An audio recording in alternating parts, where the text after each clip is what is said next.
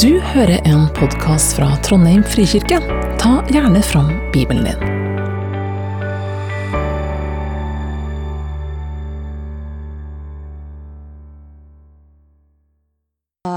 Filippinene 4, 4-7. La oss høre Herrens ord. Gled dere alltid i Herren. Igjen vil jeg si gled dere. La alle mennesker få merke at dere er vennlige. Herren er nær. Vær ikke bekymra for noe, men legg alt dere har på hjertet, framfor Gud. Be og kall på Han med takk. Og Guds fred, som overgår all forstand, skal bevare, deres hjerter og tanker i Kristus Jesus. Slik lyder Herrens ord.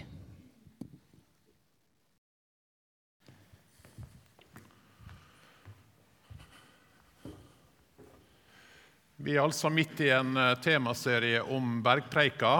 Og midt inni denne preika så har vi en liten sånn miniserie, en ministopp, med Fader vår, eller Herrens bønn. Bønn var jo viktig for Jesus. Det oppdaga disiplene. At det å være en disippel av Jesus, det var å være med i et liv i bønn. Og jeg tror at når de så på Jesus og hans bønneliv, så tenkte de dette vil vi også ha del i. Så når vi leser Lukasevangeliet sin eh, versjon av eh, denne Fader vår, så eh, ser vi at utgangspunktet der er at disiplene går til Jesus, og så sier de 'lær oss å be'. Lær oss å be.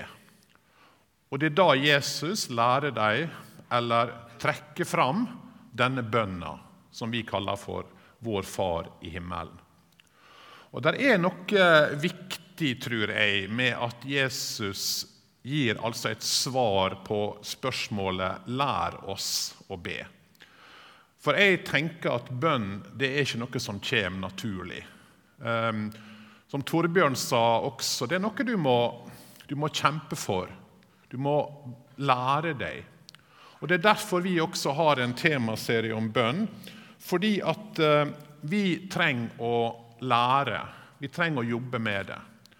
Jeg syns jo både Ingebrigt og uh, Lise har vært veldig sånn åpne og personlige når de har snakka de to første gangene om denne teksten, altså om Fader vår, om sitt eget liksom, strev med det å be. At ikke det er så lett. Og hvorfor deler vi pastorene at det er ikke så lett, dette med bønn?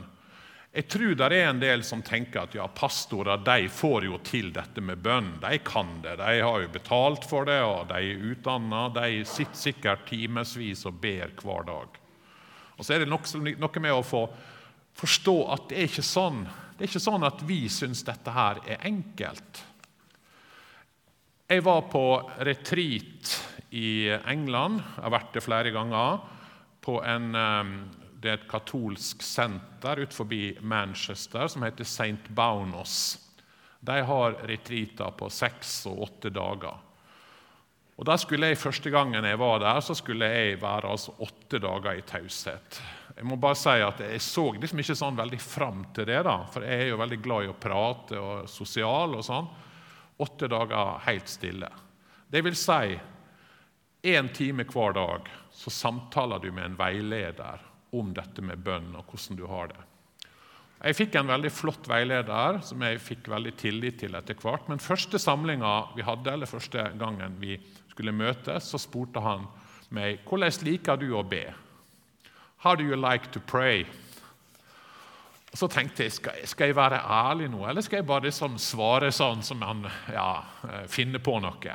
Men jeg var ærlig og så sa jeg, jeg vet ikke om jeg liker å be.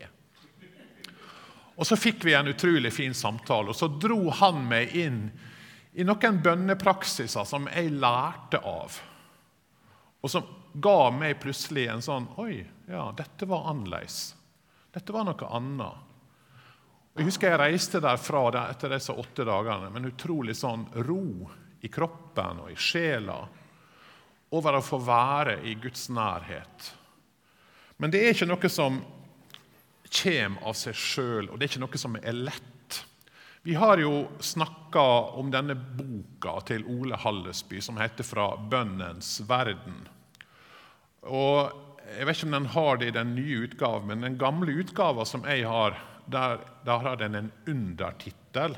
Og Den undertittelen er uh, 'Ord til trette bedere'. Er ikke det en bra undertittel? 'Ord til trette bedere'. Fordi at Ole Hallesby han vet at bønn verken er enkelt eller lett, eller bare noe som går av seg sjøl. Bønn er ikke naturlig for oss, sier han. Og Derfor så er bønn å få lov å komme til Jesus med vår hjelpeløshet.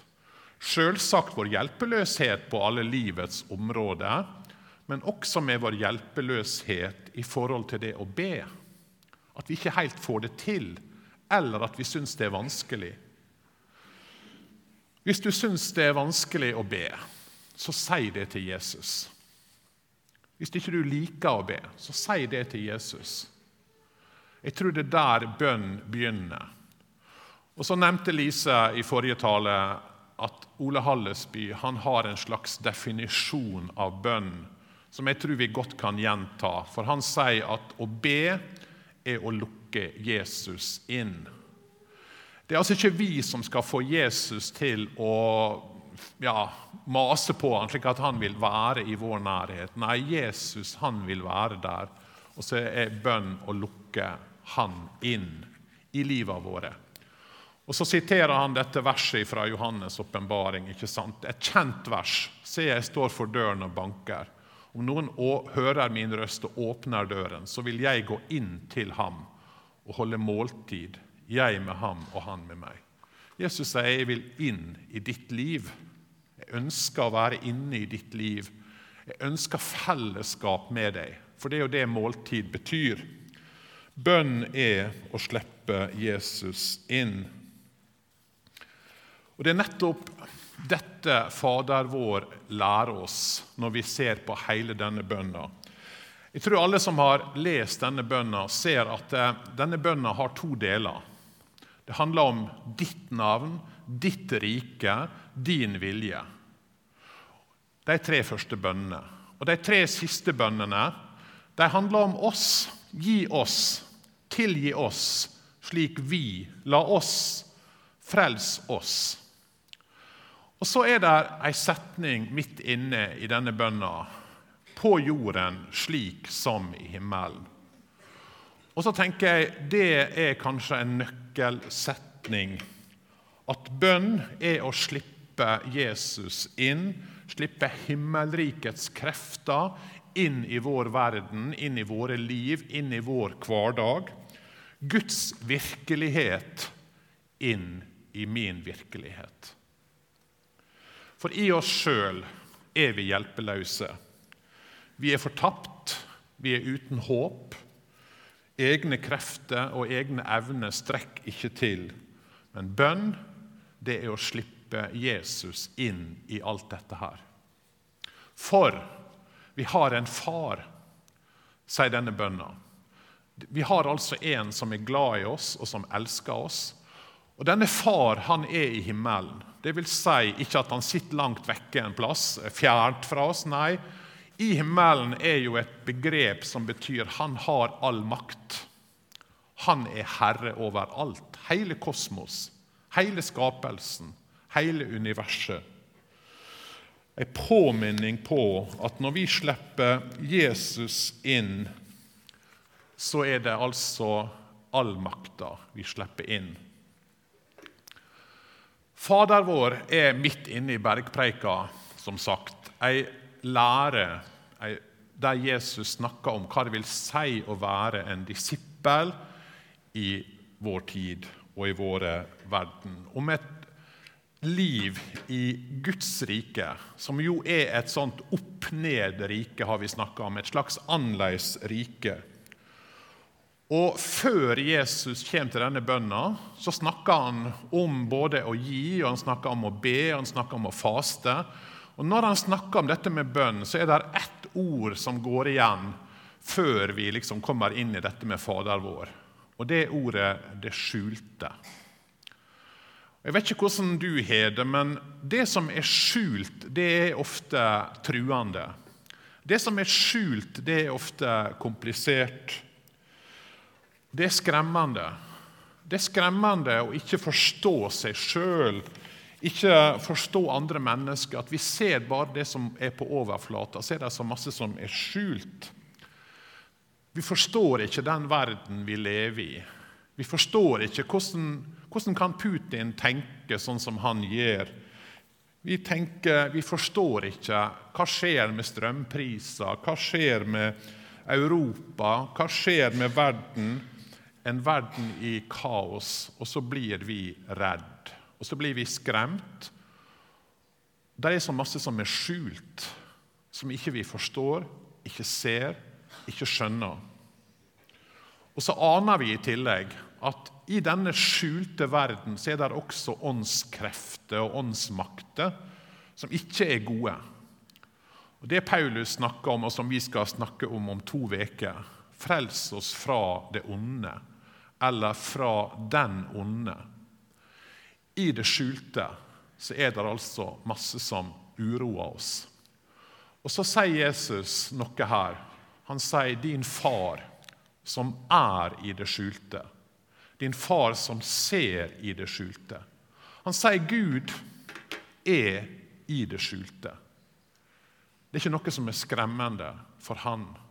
Det er ikke noe som er um, vanskelig eller urovekkende for han. Han er i det skjulte. Han ser i det skjulte. Og det er han vi får lov til å be til. Vi vil jo helst ta kontroll sjøl men Jesus sier dere har en far som er i det skjulte, og som ser i det skjulte. Nettopp derfor kan dere overgi alle bekymringer til han. Nettopp derfor kan vi få lov å legge av alt som bekymrer oss, og be til han. Ikke bekymre dere, sier jo Jesus i samme kapittel litt lenger ute. Ikke bekymre dere slik hedningene gjør, de som ikke har noen å tro på. De bekymrer seg og jager etter mat og klær og alle disse tingene her. Vær ikke som de, sier Jesus. Se på fuglene under himmelen. Se på blomstene på marka. Nå er det jo ikke slik at fuglene under himmelen ikke arbeider. Det er ikke sånn at Jesus sier bare sett deg i en stol, og så skal Gud sørge for deg. Så kan du legge hendene i kors, og så, og så kan du sitte der og vente på at Gud skal ordne opp. Det er ikke det han mener. Når han peker på fuglene, så vet vi jo hvor fugler strever for å skaffe mat. Har dere sett på de som har fem skrikende små fugleunger i et reir? Det er ikke mye pauser. Og det er mora eller faren som flyr fram og tilbake hele dagen for å skaffe mat. Men det er noe med fuglene og blomstene og alt Gud har skapt, som Jesus minner oss om. De har en avhengighet av Gud, en slags grunnleggende tillit. De legger ikke bare vingene i kors og venter på at Gud skal ordne opp. De arbeider, men de har en grunnleggende tillit til Det er en som har skapt alle disse flotte tingene, denne verden. Denne tilliten, sier Jesus, er det han ønsker at våre liv skal være prega av. Overgi kontrollen til Gud Gi slipp på behovet for at jeg skal sikre meg på alle kanter. Slippe altså himmelrikets krefter inn i våre liv. På jorda, sånn som i himmelen. Det er det Jesus vil i våre liv og i vår menighet. Når vi ber, så ber vi altså Han som har all makt, himmelens og jordas skaper. At han skal komme inn i våre urolige og angstfylte liv. Å be å gi oss i dag vårt daglige brød, det er det samme som å si i meg sjøl så kan ikke jeg ha noe som helst. Jeg er avhengig av dine gode gaver, Gud. Du som har skapt sola, vi er avhengig av at den skinner. Du som har skapt regnet, vi er avhengig av at regnet regner for at vi skal få grøde. Vi er kort sagt helt avhengige av deg. Jeg har ingenting uten deg, Gud, og nå overgir jeg livet mitt til deg. Og til din godhet, til din allmakt. Det er det som er å be. Gi oss i dag vårt daglige brød. For jeg tror jeg har en far som bryr seg med livet mitt. Når Jesus tar fram akkurat dagens bønn 'Gi oss i dag vårt daglige brød', så vil jo de som hører på det, få en assosiasjon som kanskje vi ikke får. For når var Israel helt avhengig av at Gud ga dem daglig brød? Jo, det var når de hadde gått ut av slaveriet i Egypt. De var på vei gjennom ørkenen. De skulle til Kanans land. Der ble de plutselig helt avhengige av at Gud sørga for dem hver dag. Og Gud ga dem noe som heter manna, som jo er en slags brød. Ikke brød i vårt forstand, men det ga dem, og det var hver dag at de våkna opp, og det lå manna på overflata, og de kunne gå og plukke hver dag. Og Hvis de prøvde å samle seg og skulle ta vare på det for å ha sikre seg, så oppdaga de at denne mannen ble dårlig. Den var brød for hver enkelt dag. Og Slik er altså vi, fridd ut av mørkets makt, sier Bibelen. Og vi er på vei til vårt Kanans land. Og mens vi går gjennom dette livet her, om det er en ørken eller hva slags vandring du måtte føle det er, så er det altså det vi ber om. Gud, sørg for det vi trenger. På veien til det stedet der det flyter melk og honning, der vi skal slippe å be om daglig brød der alt er sånn som du hadde tenkt. Og der de fleste som satt der på dette fjellet når Jesus underviste, de var jo fattige. Det var jo dagarbeidere som ikke visste om de hadde nok til i morgen. Det var selvsagt de som var rike. Overtolleren Matteus han satt der, han var jo svært rik. Men også til han sier Jesus, be om det daglige brød. For det handler djupest sett om at alt jeg har, er bare av Guds omsorg. Alt vi har, er gave fra Gud. Det er ikke min fortjeneste. Bibelen gir oss en annen måte å se på eiendeler, hus og heim og bil og alt det vi har, som noe som er bare av Guds godhet, bare av Guds nåde. All god gave og all fullkommen gave kommer ovenfra, sier Jakob i sitt brev. Fra ham som er himmellysenes far. Hva har du som du ikke har fått? Og Hver gang vi ber denne bønna, så anerkjenner vi altså og husker på at det vi har, det har vi fra himmellysenes far. Og Hver gang vi ber denne bønna, ja, så gir vi Gud mulighet til å vise si omsorg og si makt inn i våre liv. Det er mange som kunne ha delt eh, eksempel på Guds bønnesvar på helt praktiske, konkrete måter. Jeg leste nettopp eh, historie fra Dallas, en familie som hadde gått inn i kristent arbeid. Dette her var for mange år siden. Og de hadde altså ikke penger. For det, det, det, er jo sånn i USA, ikke sånn som her, at du, du må jo skaffe det du skal ha til underhold sjøl hvis du går inn i, ofte i kristen tjeneste. Det er ikke organisasjoner som betaler deg lønn osv. Denne familien med fire gutter var utrolig fattige, men de hadde bestemt seg for de ville tjene Gud. De ville, eh, de ville altså eh, bruke livet sitt til tjeneste i Guds rike. Og En kveld under familieandakta så er det Timmy, den yngste gutten, som sier til faren pappa, kan vi be om ei skjorte. Naturligvis kan, vi, du, kan, du, gjøre det, sa faren. La oss skrive det på bønnelista. Så de skrev på bønnelista skjorte til Timmy sju, størrelse sju år. Hver kveld ba Timmy om denne skjorta. Etter flere uker så fikk mora en telefon fra en forretningsmann i Dallas som sa det at jeg vet at dere har fire barn, og at eh, dere kanskje ikke har så mye penger. Eh, nå har jeg hatt vareopptelling, og på, på lageret så har jeg noen skjorter til overs.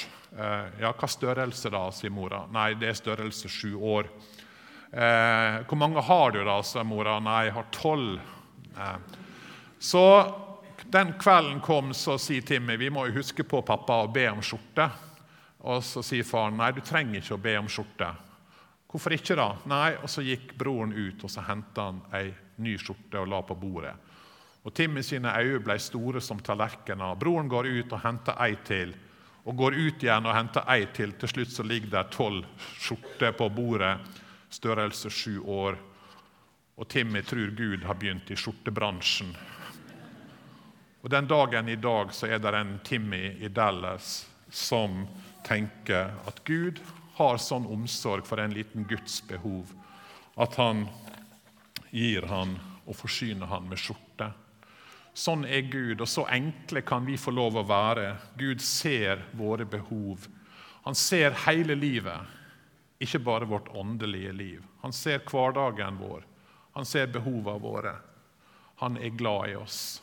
Når Luther skal si noe om denne bønna, så sier han vi ber her at Gud hver dag må gi oss og alle det vi trenger, og lære oss å ta imot alt med takk. Med daglig brød mener vi slikt som mat og klær, hus og heim, arbeid og helse, gode naboer og trofaste venner, et godt styre, rett og fred på jorden. To ting vil jeg bare nevne som Luther lærer oss her. Det første er at han skal si denne bønna skal lære oss å ta imot alt med takk. Gud har altså ikke bare gitt oss livet, men han gir oss det vi trenger for å leve. De gavene vi har, kommer fra Han. Og Det perspektivet trenger vi å minne hverandre på og bli minnet om hver eneste dag. Jeg har nevnt CK Chesterton, eh, denne filosofen, forfatteren i England.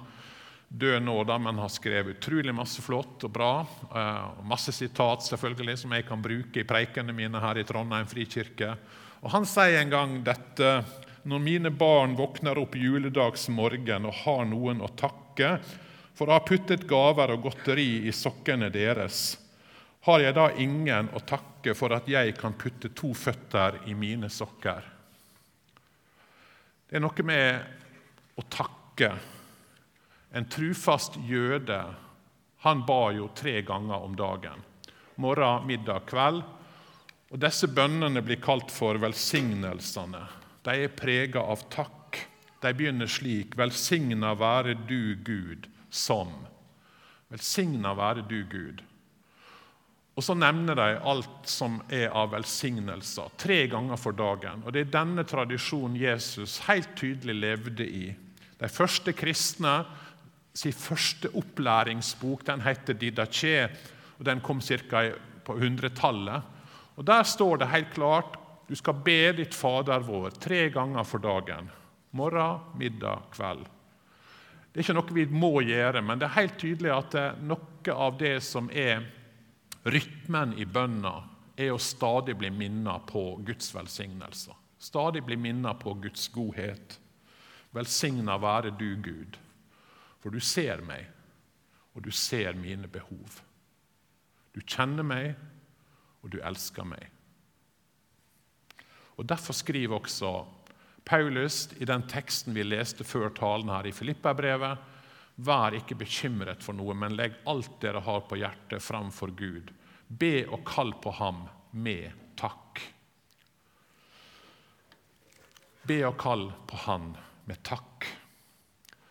For eh, en god del år siden så var jeg og en annen prest på Madagaskar. Eh, i en slags studieutveksling. Det var to gassiske prester som kom til Sandnes og var hos oss i 14 dager. Så var vi på Madagaskar i 14 dager eh, og møtte, var sammen med to gassiske prester. Eh, og En dag så kjørte vi opp til Mangarano, denne spedalske landsbyen som ikke ligger langt fra Ansirabé.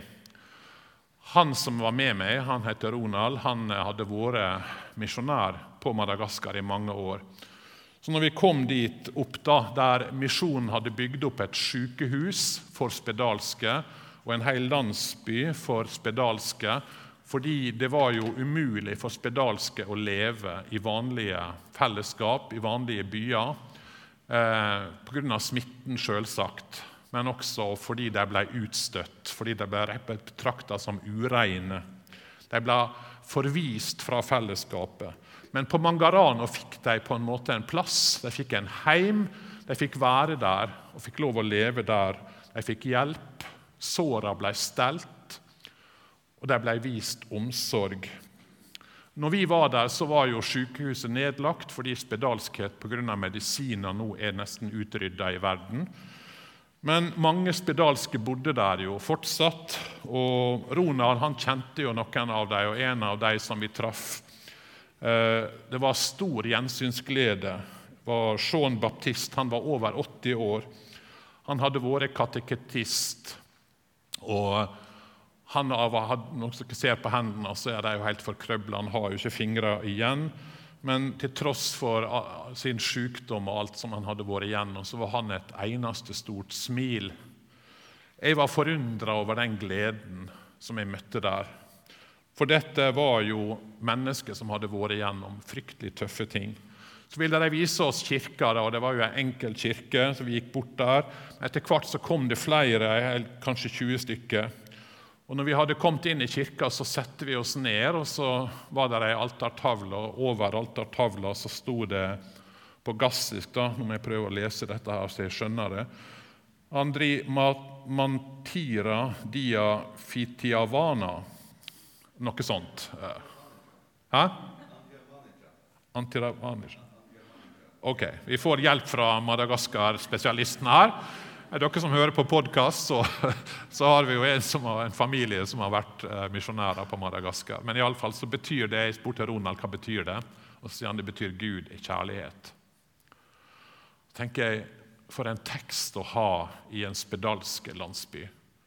Og Så begynte denne flokken å synge uoppfordra. Så begynte de å synge 'Kjærlighet fra Gud'. Og Så satt jeg der under denne altertavla og så kjente jeg bare tårene rant. For en takknemlighet over Guds kjærlighet til disse folka som jo har hatt et skikkelig elendig liv, og som sitter forkrøbla uten hender.